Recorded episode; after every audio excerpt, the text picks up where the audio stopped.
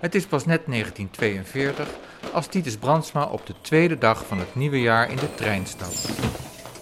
Hij heeft een missie. Hij wil de directies en de hoofdredacteuren van katholieke dag- en weekbladen ervan weerhouden advertenties op te nemen van de NSB. Titus en vele anderen verzetten zich tegen het nationaal-socialistische gedachtegoed, dat de geest van de Nederlander vergiftigt. Voor dit verzet moet Titus Brandsma uiteindelijk de hoogste prijs betalen.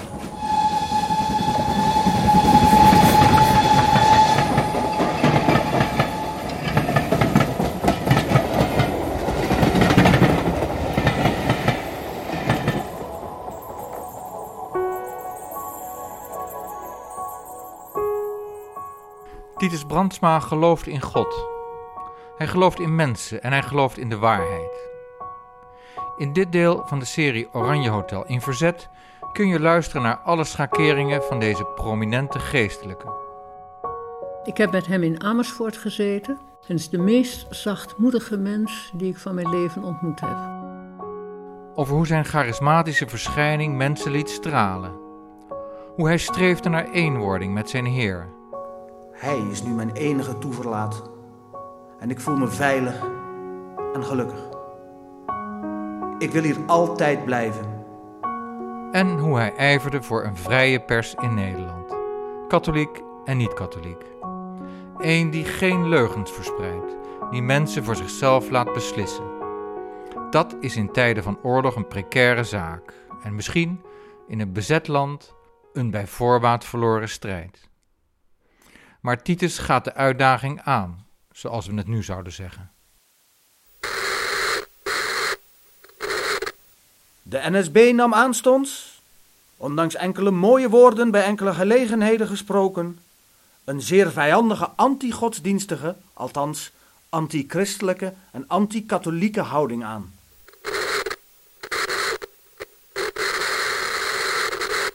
Door in die richting te drijven, heeft de NSB zich in haar strijd voor verbetering der maatschappelijke toestanden in Nederland een sterk antinationaal karakter gegeven en verlogent zij als Nederlandse beweging de tradities van het eigen volk, althans voor het grootste deel van dit volk, en miskent zij zijn historie.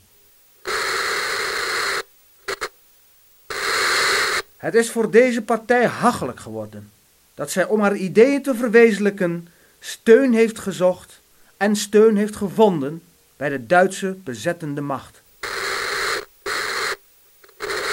Eensdeels lacht het Nederlandse volk om deze zichzelf opblazende personen en haalt het over hen de schouders op. De vrijheidsliefde is in ons volk groot, zeer groot. Je luistert naar passages uit de aanklacht tegen de NSB, zoals Titus Brandsma die in zijn cel in het Oranje Hotel heeft opgeschreven. Het is dan eind januari 1942. Hij doet dit op last van de bezetter, die wil weten waarom zoveel Nederlanders de NSB verguizen. Wat Titus schrijft is niet nieuw. Hij waarschuwt al sinds het begin van de jaren 30 tegen de gevaren van het nationaal socialisme. Hij is dan rector van de Katholieke Universiteit Nijmegen.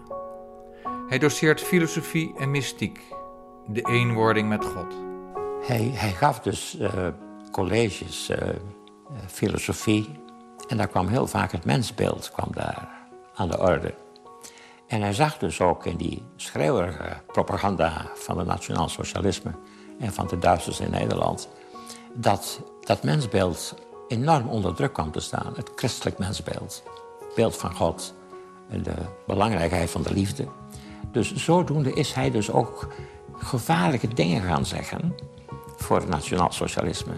En kreeg hij ook controleurs in de collegebanken zitten die hem afluisteren. Dus hij was een gevaarlijk man geworden. Dit zegt Falco thuis, lid van de Orde der Karmelieten, de kloosterorde waar Titus Brandsma al vroeg voor heeft gekozen. Titus stak zijn mening niet onder stoelen of banken. En dat werd al vroeg gesignaleerd. De Duitsers hebben hem heel sterk voor de oorlog al in het vizier gehad. Vanwege zijn publicaties. En dit is Johan Hemels, emeritus hoogleraar communicatiewetenschap aan de Universiteit van Amsterdam. Johan is een bewonderaar van Titus Brandsma en ook iemand die het belang van persvrijheid benadrukt. Tien jaar geleden schreef hij het boek Als het goede maar gebeurt, waarin hij Titus Brandsma belicht in zijn streven naar het vrije woord en de verbetering van de katholieke journalistiek, waarmee hij tevens de emancipatie van het katholieke volksdeel bevordert. Titus werkt samen met niet-katholieken in wat later de Nederlandse dagbladpers is gaan heten. Hoe was het om voor de oorlog journalist te zijn? De sociale positie van de jaren dertig was dat nou geen beroep waar men veel respect voor had. Het had een beetje de naam van gesjeesde priesterstudenten die bij een katholieke krant kwamen, of onderwijzers die geen orde konden houden. Titus, zelf ook al jaren journalist, wordt benoemd tot geestelijk adviseur van de Katholieke Journalistenvereniging. Hij functioneert als een klankbord voor godsdienstige zaken, maar doet veel meer dan dat. Hij ziet wat de beroepsgroep nodig heeft en spant zich ervoor in. Een betere sociale positie, een soort collectieve arbeidsovereenkomst, een betere honorering en ook perspectief om binnen een krant promotie te kunnen maken. En daarmee samenhangend een betere opleiding. Dat geheel van een bredere visie op journalistiek gaat hij ook de vraag stellen: wat betekenen al die veranderingen, de opkomst van persbureaus, de introductie van de telex, wat betekent dat voor de toekomst van het journalistieke beroep? Kunnen journalisten van de geschreven pers ook iets met radiojournalistiek, met een filmjournaal, met televisie waarmee al geëxperimenteerd werd? In die zin is hij ook richtinggevend naar de toekomst toe van het vak. Het is een turbulente tijd voor massacommunicatie. De uitvinding van de telex faciliteert snelle, wereldwijde teksttransporten, dat op zich weer de weg vrijmaakt voor internationale persbureaus. De radio en de geluidsfilm bestaan nog niet zo lang. Fotocamera's worden handzamer en aan de horizon lonkt de televisie. Titus Brandsma neemt de boot naar Amerika om daar de toekomst in ogenschouw te nemen.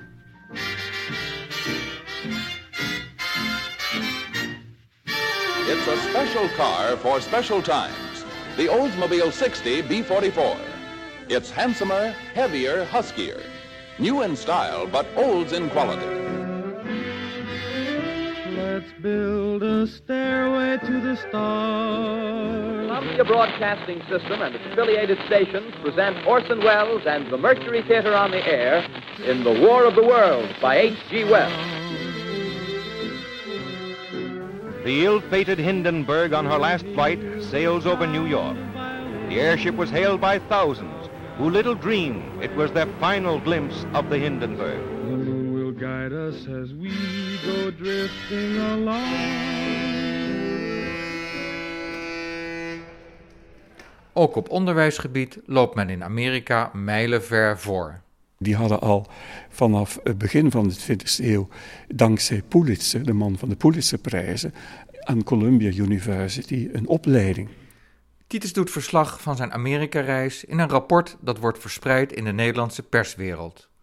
Met als titel Nieuwe vormen in de journalistiek. Hij heeft in feite een nieuw perspectief willen openen. Dat journalisten en de dagbladdirecteuren zich niet gedachten maakten over de ondergang van hun bezigheden, maar de kansen zagen en die ook gingen benutten. En dat vind ik tuigen van een heel brede visie. Die visie heeft Titus Brandsma ook twee keer op de radio verwoord, bij de KRO in 1936 en 1939. Impliciet en expliciet neemt hij het op voor de waarheid, die we niet moeten wegmoffelen, en roept hij de goede verstaander op af te stemmen op katholieke media. Luisteraars van de radio, stem je af op de KRO. Waarde luisteraars, over de katholieke pers in ons vaderland mag ik een ogenblik spreken. We zijn blij een eigen pers te hebben. We gaan er groot op dat we in de pers, dat wil zeggen in dag- en weekbladen, in maand- en tijdschriften, vrij onze mening kunnen zeggen en de inlichtingen en voorlichtingen geven en ontvangen waarop wij prijs stellen. Waar is de vrijheid zo groot als hier? Het Nederlandse volk is principieel en houdt er niet van zijn beginselen weg te moffelen of te verzwijgen. We willen consequent zijn.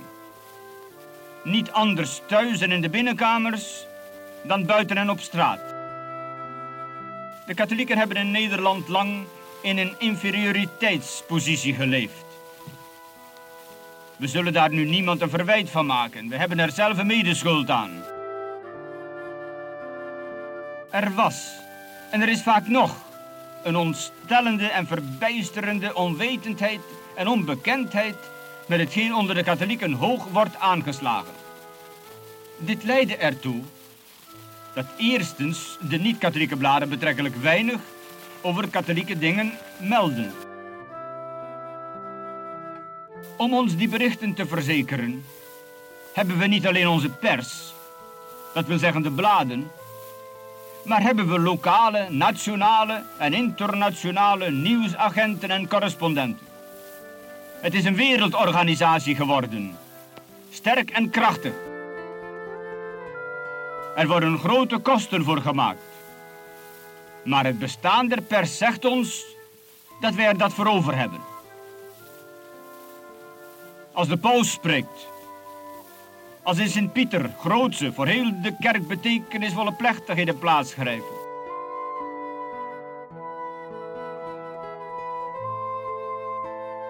Verslindt dit veel geld? De bladen geven het uit omdat ze weten dat die verslagen worden op prijs gesteld. Zij daardoor hun lezerskring enger aan zich binden en uitbreiden.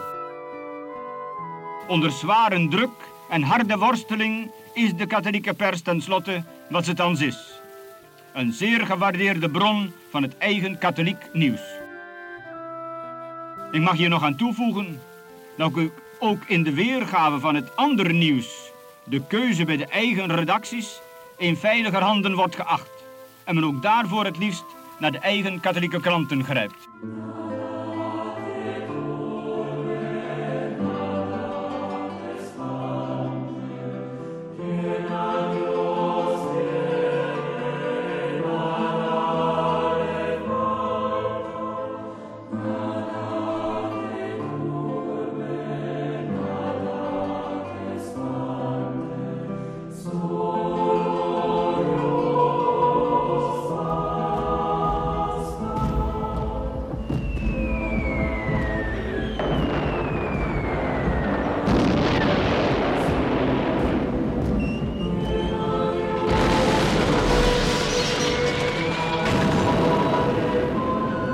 Mei 1940 vallen Duitse militairen Nederland binnen. De droom van Titus Brandsma voor een zelfstandige en krachtdadige pers gaat stapje voor stapje over in een nachtmerrie. Initiatieven voor het vak komen in de koelkast te staan. Men vreest dat de te ontwikkelen organisatievormen een dankbaar propaganda-instrument kunnen worden in handen van de bezetter. Dan zou dat onmiddellijk ingepalmd worden door de bezetter. Dan zou zo'n opleiding een instrument worden voor de gelijkschakeling van de journalistiek. Ter gelegenheid van het gereedkomen van de gebouwen der NSVO en het district Rotterdam der NSB bezoekt Mussert Rotterdam. Met een korte toespraak tot de aangetreden WA, SS, jeugdstorm en politieke organisatie opent de leider de nieuwe huizen der beweging. Na afloop defileren de zwarthemden voor hun leider.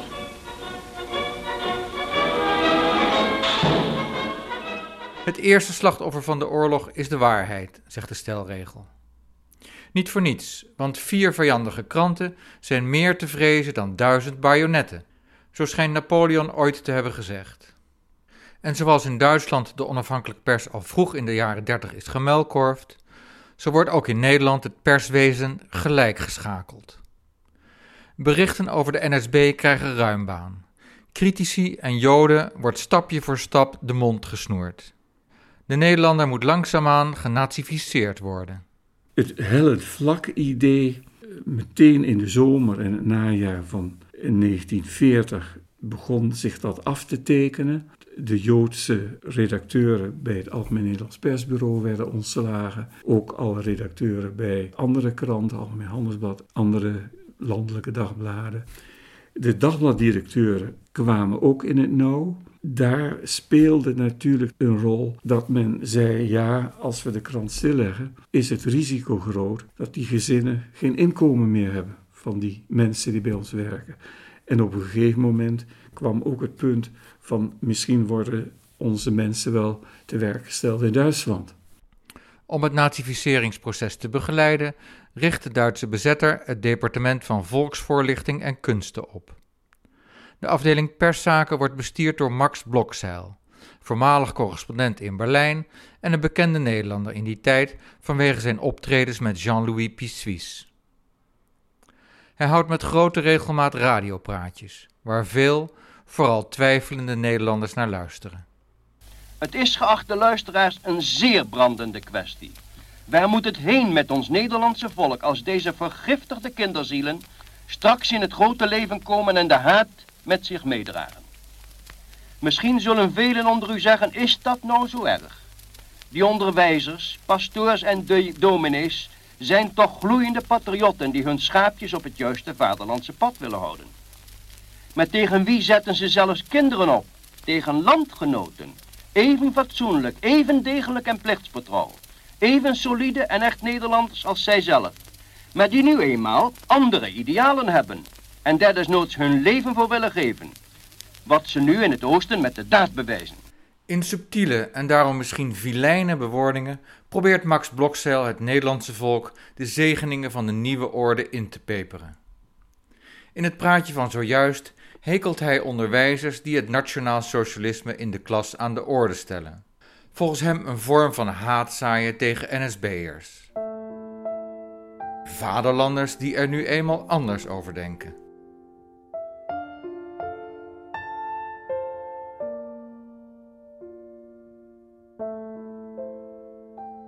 Hij heeft in, in die beginperiode eh, de Duitsers wegwijs gemaakt in de Nederlandse journalistieke wereld. En wie welke poppetjes, welke posities hadden. is natuurlijk altijd handig voor zo'n bezetter om daar snel ingevoerd te worden. De propagandatechnieken had hij heel goed als je het over uh, uh, lerend vermogen van zo iemand. Maar dat had hij natuurlijk heel goed gevolgd in Berlijn. Maar ik denk dat hij in de ogen van mensen als Willy Janke toch eigenlijk uh, een min mannetje was. Willy Janke is persattaché van Sijs Inkwart, de Rijkscommissaris voor Nederland in dienst van de bezetter. Hij houdt vanuit Den Haag dagelijks persconferenties en verspreidt berichten en foto's om de Nederlandse pers in het gereel te krijgen en te houden.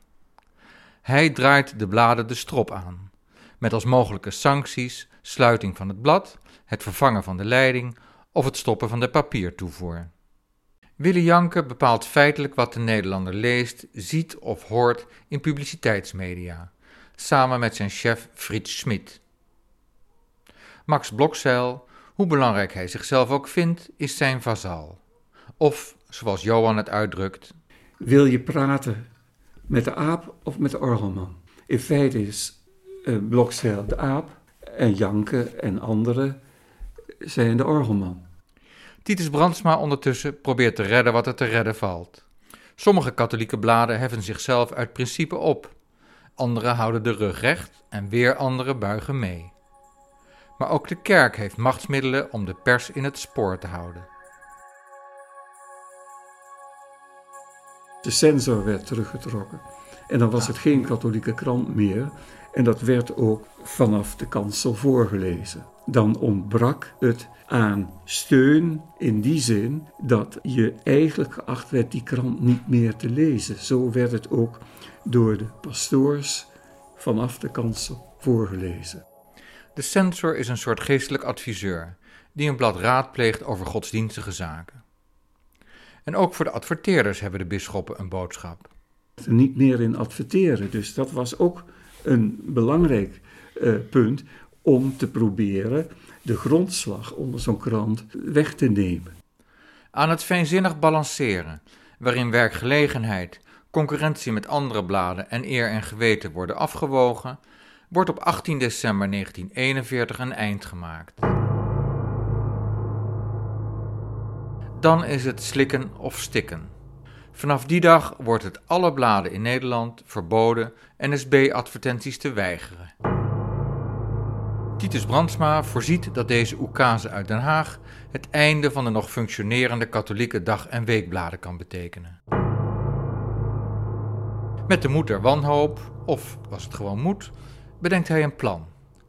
Een soort diplomatieke reis langs veertien redacties en directies. Zijn boodschap: buig niet voor de bezetter. Titus neemt eerst de trein naar de Malibaan in Utrecht. Daar zetelt aartsbisschop de Jong, met wie hij goed overweg kan.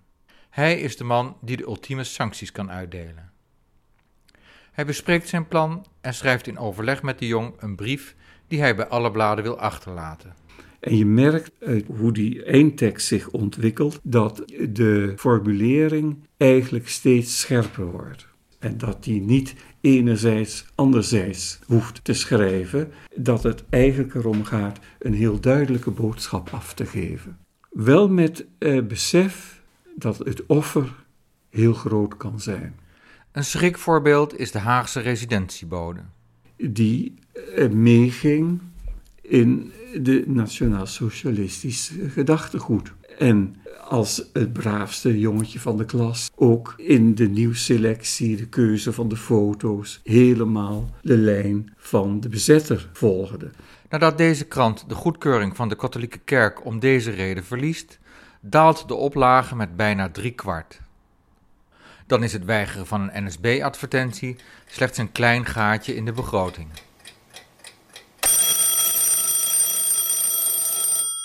Op vrijdag 2 januari 1942 gaat om half zes de wekker bij Titus Brandsma. Hij wil de trein van 6 uur 36 nemen naar Utrecht. Het is acht minuten lopen van het Karmelklooster aan de Doddendaal naar het station van Nijmegen.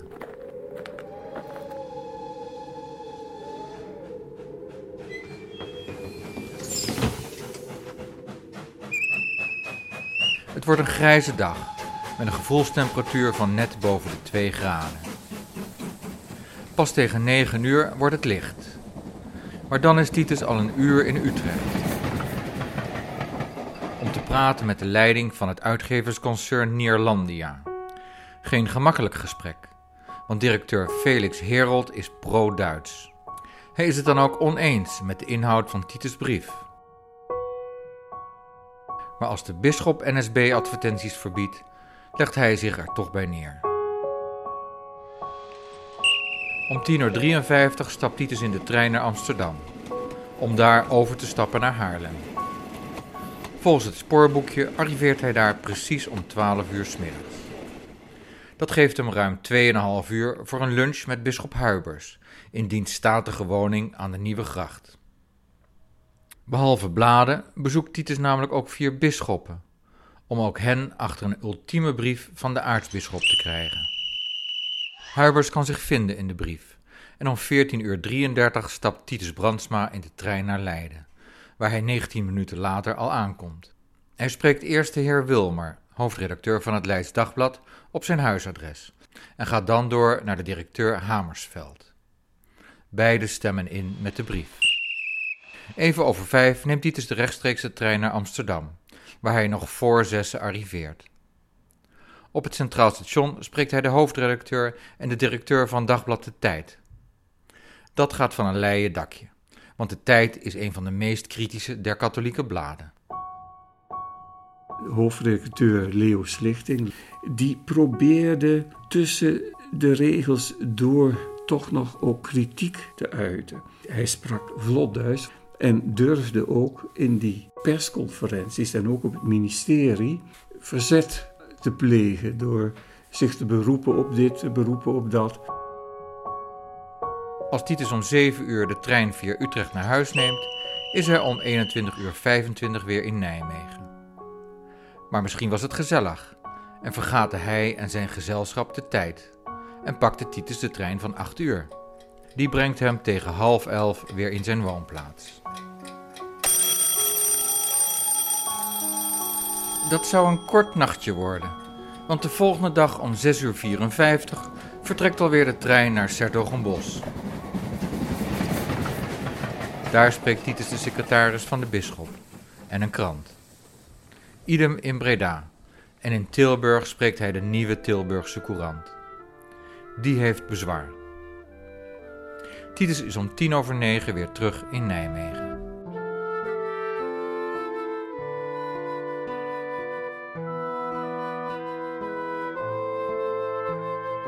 Zondag is een rustdag. Maar op maandag, dinsdag, woensdag en donderdag vervolgt Titus zijn reis langs bladen en bisschoppen. Alleen Hugo van den Broek, de Duitsvriendelijke hoofdredacteur van de Limburger Courier, blijkt een harde noot om te kraken. Maar hij zwicht onder druk van de bisschop.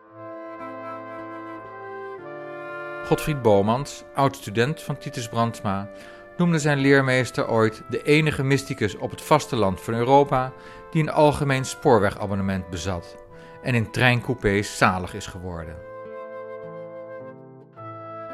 Dat klinkt leuk, en hoewel de diplomatieke reis van Titus succesvol was, heeft hij er het zaadje mee geplant voor zijn voortijdige einde. Dat besef begint zich langzaam aan hem op te dringen. Als hij op 11 januari tegen onder andere de directeur van de Gelderlander zegt: De Duitsers zitten achter mij aan. Ze, ze zeggen dat ik saboteer. Ze begrijpen er niets van.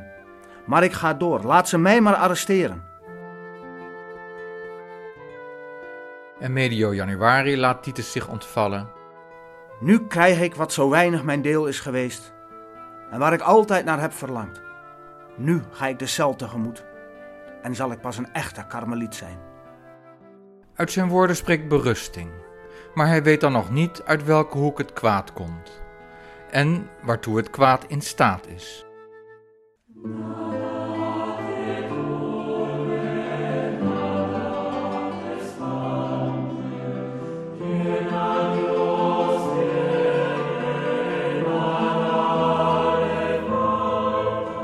Wat mij nog heel erg bezighoudt is dat het hem ongelooflijk veel pijn gedaan moet hebben. Dat een zoon van een krantendirecteur hem verraden heeft bij Max Blokcel. Dat is helemaal gereconstrueerd hoe dat gegaan is. Telefoon vanuit Eindhoven naar Den Haag. Ja, uit die hoek. Waar, die, uh, Titus dus eigenlijk voor iedereen duidelijk ongelooflijk veel goed had gedaan. Uh, die zoon is uh, naar Zuid-Afrika verdwenen, is nooit berecht.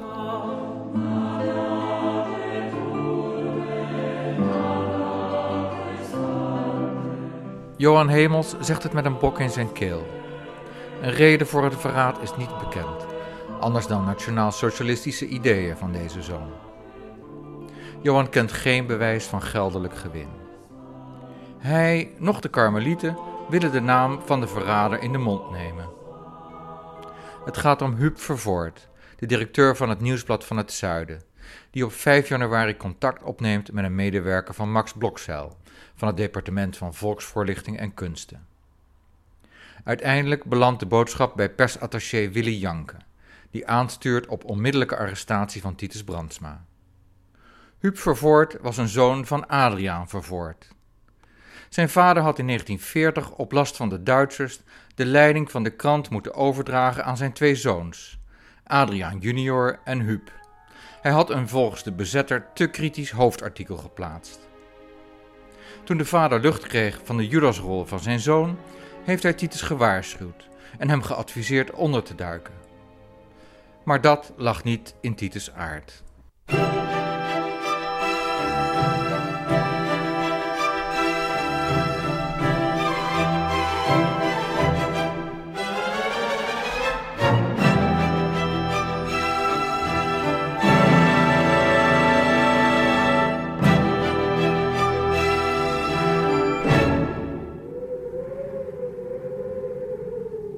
Ochtend van 19 januari 1942 draagt Titus Brandsma zijn laatste mis op in de Bonifatiuskerk te Amsterdam. Daarna heeft hij in Den Haag nog een bespreking op het ministerie van Onderwijs. En als dat klaar is, keert hij in een stampvolle trein huiswaarts. Om half vijf die dag melden zich twee heren onder valse vlag aan de poort van het Karmelklooster. Ze willen Titus Brandsma spreken. Als Brandsma zich laat zien, ontpopt een van de twee zich als een agent van de SD Auschenstellen Arnheim. Titus schikt zich in zijn lot. Hij zegt zijn broeders vaarwel en werpt een blik op zijn horloge. Daarna wendt hij zich tot de SD-agent. Als de heren er stellen de trein van half zeven nog te halen, dan zou ik ze willen aanraden wat op te schieten, want de NS hebben niet de gewoonte op SD'ers te wachten. Brandsma brengt een slapeloze nacht door in een cel in Arnhem. Voor hij wordt overgebracht naar het Oranje Hotel in Scheveningen, zoals deze gevangenis tijdens de Tweede Wereldoorlog wordt genoemd.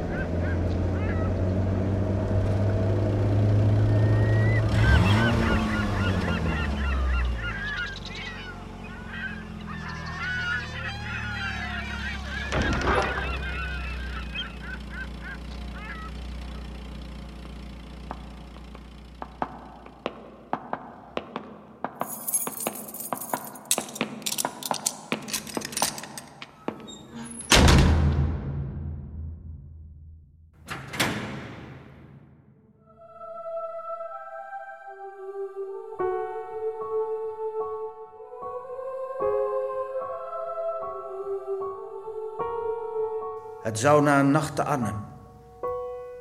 hier maar één nacht zijn. Met die woorden werd ik in cel 577 op 20 januari binnengebracht. De volgende morgen moest ik om half negen klaar zijn voor verhoor in Den Haag. In de middag kon het waarschijnlijk afgesloten worden en zou ik met het oog op mijn gezondheid weer naar huis gaan.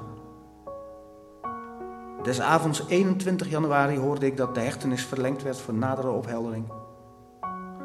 De heer Hardigen, die mij hoffelijk verhoorde, troostte mij met een beroep op mijn kloosterlijk leven dat het mij niet zo zwaar zou vallen.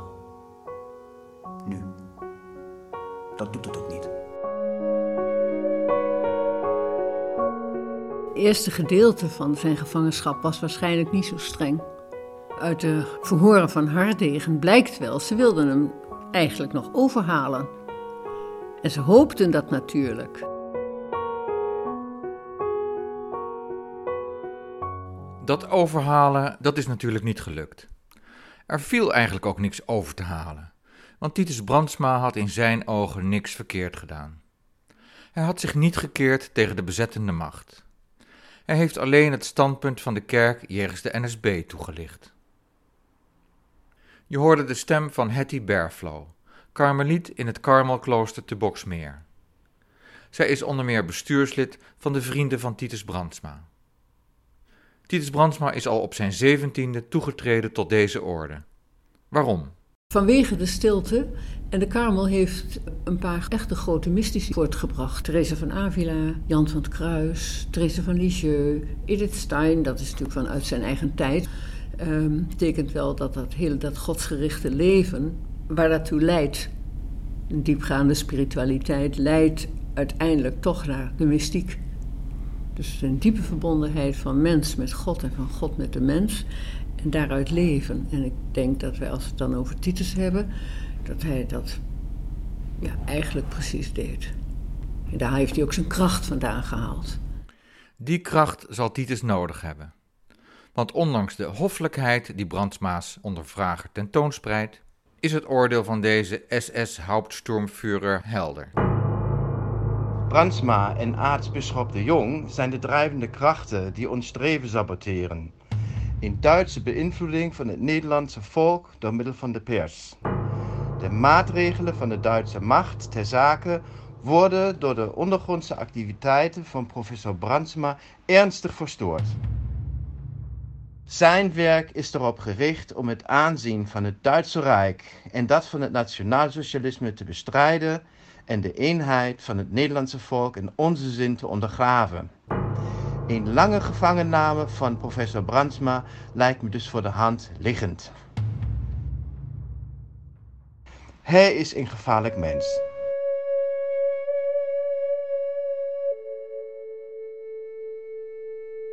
Beata solitudo. Gelukkige eenzaamheid. Ik ben er al helemaal thuis. In dat kleine celletje. Ik heb me er nog niet verveeld. Integendeel. Ik ben er alleen, oh ja. Maar nooit was onze lieve Heer mij zo nabij. Ik kan het uitjubelen van vreugde dat Hij zich weer eens geheel door mij heeft laten vinden, zonder dat ik bij de mensen kan of de mensen bij mij kunnen. Hij is nu mijn enige toeverlaat en ik voel me veilig en gelukkig.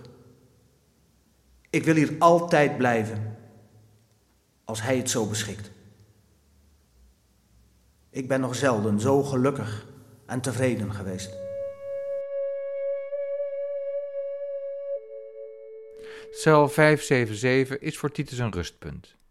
Hij is, ook op zijn zestigste, een druk man die moeilijk nee kan zeggen. Hij neemt vaak te veel hooi op zijn vork en dat tast zijn toch al broze gezondheid aan. Ja, ik denk niet dat je het een workaholic noemt. Daar zit niet iets ontspannends bij. Hij was heel ontspannen. Als er eh, de buurman, de groenteboer, een medebroeder, wie dan ook maar, een hoogleraar kwam om raad, dan was hij er helemaal. En dan gaf hij de ander het gevoel: ik ben blij dat je er bent. En niet van: ik heb maar vijf minuten. Hij was blij met iedereen die hij kon helpen. En sommigen zeggen ook: door hem naar hem toe te gaan, deed je hem een gunst in plaats van dat hij jou een gunst deed.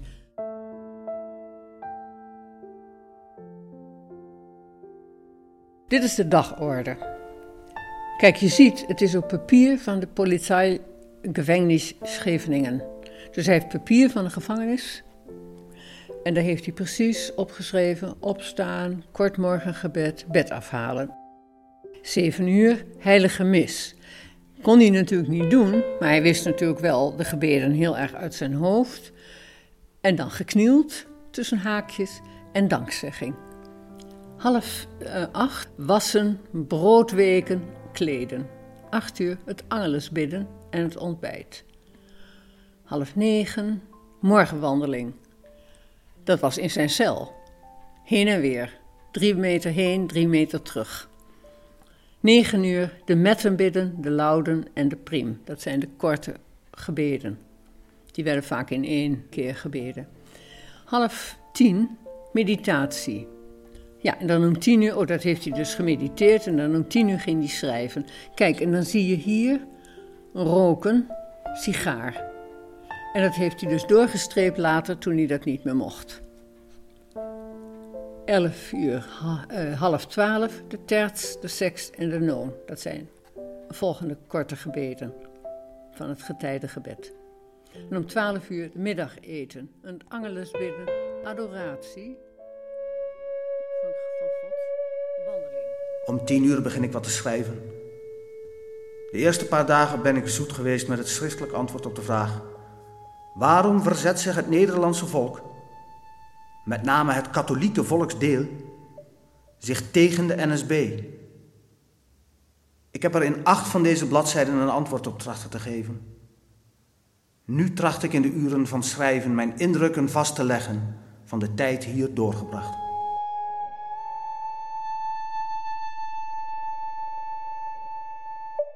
In het Karmelklooster van Boksmeer wordt niet alleen het geestelijk erfgoed van Titus Brandsma beheerd.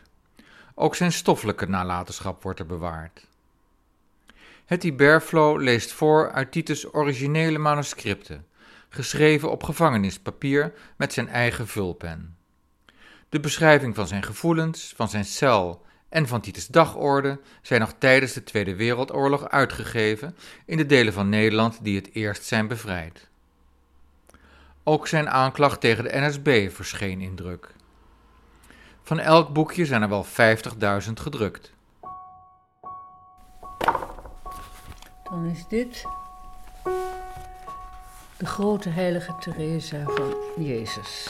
Teresa van Avila. Kijk, dat is hier begonnen op hetzelfde papier van de strafgevangenis. Dus dat is al heel wat.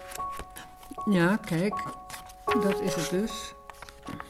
171, 72, 172. Dan moest hij toch iemand hebben die hem al die papiertjes heeft gegeven? Ja, dat kreeg hij waarschijnlijk. Kan ook best zijn dat er toch iemand dat binnensmokkelde voor hem. Maar misschien mocht hij het ook wel hebben. Dat zou ook nog wel kunnen. En hij had een opdracht. En daar was hij steeds nog niet toegekomen van een eh, uitgever om die biografie te schrijven. Dus dacht hij, nou, ik heb nou de tijd, ik begin maar vast.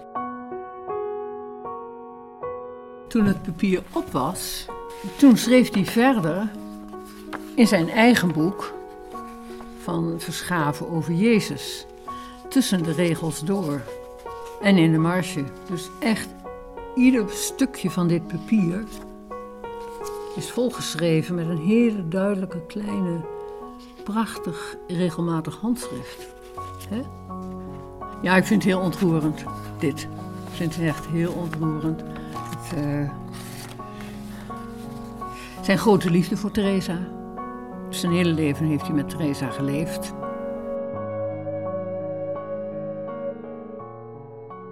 Er lag op mijn cel een papieren dambord met damschijven. Daar zal ik maar niet mee beginnen te spelen. Maar er lag ook een stuk pakpapier.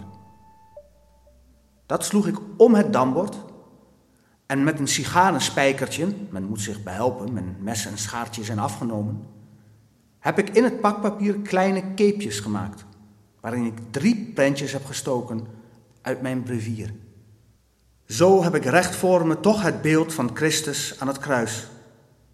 Wel niet voluit, maar toch een mooie buste van de wonden van het heilige hart. Nog wel van frater Angelico.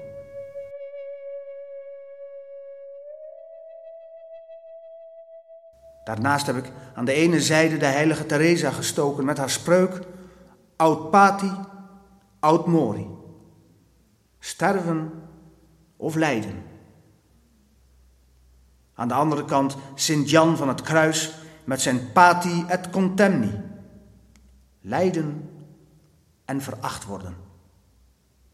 Ik vond nog twee spelden waarvan ik er één gebruikte om onder de drie afbeeldingen een breed dwarspapiertje te hangen waarop Theresa's spreuk Nada te turve, nada te spante. Niets verstoren u, niets ontstellen u.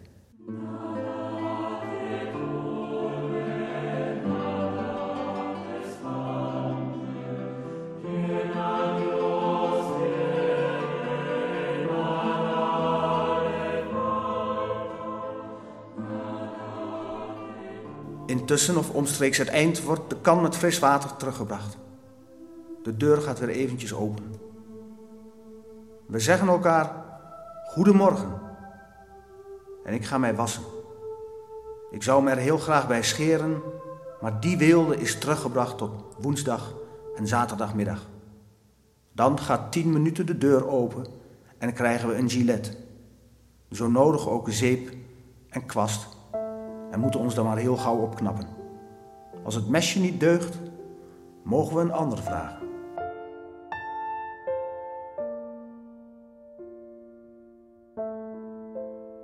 Dan is er dus de getuigenis van kapitein Vochtelo. Kapitein Vochtelo was ook gevangene en hij schrijft: Ik kreeg door een vriend een baantje als meelopen of hulpkapper bij de scheerbaas. Ik moest namelijk scheermesjes en kwasten rondbrengen en weer ophalen. Zo zag ik dus vrij regelmatig Pater Brandsma. De bewakers waren Duitsers, onder andere de beruchte Cortella. SS-lui. Joden en priesters waren in hun ogen de slechtste soort. Door hen werd veel gesnauwd en gescholden, ook geslagen. Dikwijls werd er s'nachts een afgeranseld en je zat dan in angst. Wanneer gaat mijn deur open? Zoals ik zei, zag ik Brandsma dus geregeld. Bij het openen van de cel kwam hij de bewaker altijd tegemoet met een stralende glimlach en als ware hij zijn beste vriend. De opgewektheid waarmee hij het leed en de vernedering verdroeg, was bewonderenswaardig, te meer dat hij juist omdat hij een priester was, met extra minachting bejegend werd. Voor hem werd het het slechtste scheermesje bewaard. Ik kon hem er echter steeds uit mijn eigen voorraad en van een ander voorraadje een afzonderen en hem een nieuwe geven, zodat Brandsma zich niet kapot hoefde te krabben. Hij dankte mij dan steeds met een innig dankbare glimlach van begrijpen.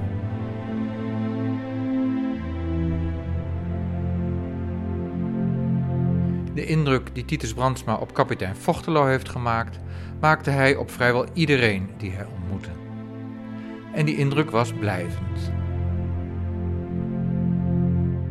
Constant Dulle die trad in de negentiger jaren nog ergens op in Dordrecht om over Titus te praten.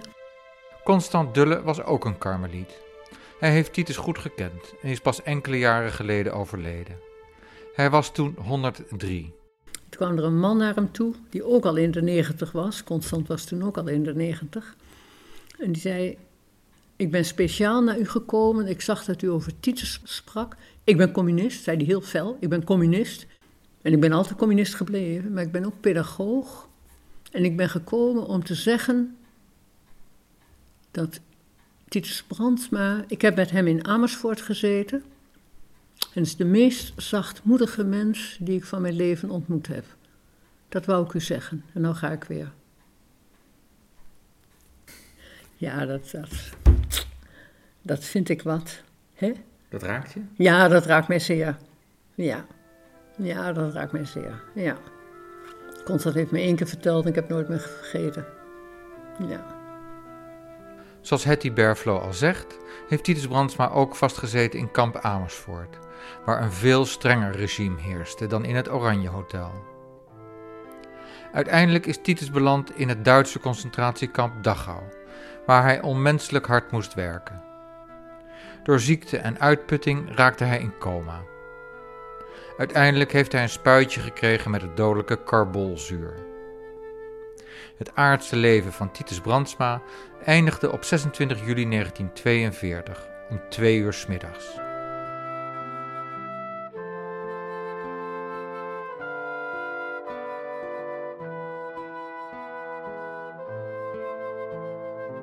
Hoe kunnen we ons bijna 80 jaar later spiegelen aan Titus Brandsma? Ik vraag het aan Johan Hemels.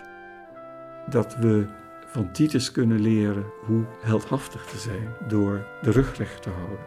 En te zoeken in samenspraak, in dialoog, want dat is ook een bijzondere eigenschap van Titus, om er gezamenlijk uit te komen en niet de zaak te laten verharden of vastlopen of de boel de boel te laten.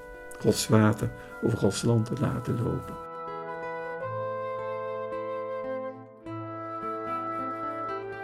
Waar je drijfkracht ook vandaan komt, het verlangen naar het goede zit in iedere mens. Dit was een productie van Peter de Ruiter in de serie Oranje Hotel in Verzet, gemaakt met steun van de Eva Tas Foundation. Met dank aan Johan Hemels en Hetty Berflo. Met de stem van Jeroen Smit als Titus Brandsma. Muziek en effecten Jan-Pieter Geersing, Charlie Key, Francis Poulan, Jacques Berthier en Teresa de Avila. Voor deze productie heb ik gebruik gemaakt van onder andere de boeken Titus Brandsma, De man achter de mythe van Ton Krijnen. En Als het goede maar gebeurt van Johan Hemels, beide uit 2008. Ook Titus Brandsma dacht in mensen van Louis Frequin uit 1985. Ook heb ik het spoorboekje van de NS uit 1941 geraadpleegd. De genoemde reistijden zijn een hypothese op basis daarvan. Het fragment met Falco thuis komt uit het tv-programma Roderick zoekt licht van de KRO uit 2019. De tekst van alle letterlijke citaten van Titus Brandsma en anderen is authentiek. Wil je meer afleveringen horen in deze serie?